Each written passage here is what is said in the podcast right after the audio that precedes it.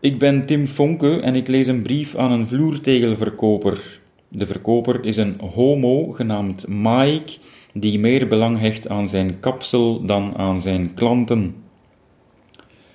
Mike, drie aanmerkingen bij onze vloertegels.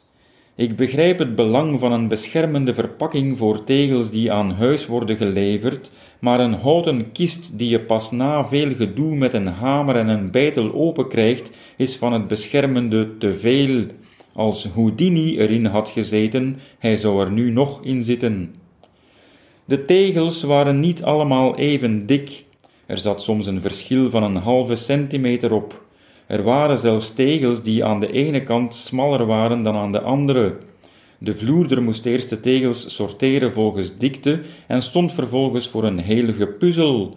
Gelukkig was hij in 1988 legpuzzelkampioen van Luxemburg geworden met een puzzel waarop een afbeelding stond van de Bengels naakt rond een kampvuur.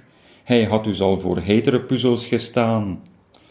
De lijm die jullie leverden was niet geschikt voor onze tegels. Ik schonk hem aan mijn Braziliaanse vriendin Kayla, die de lijm opstuurde naar een sloppenwijk in Sao Paulo, maar een week later kreeg ze een bericht: lijm niet te snuiven, stuur Patex.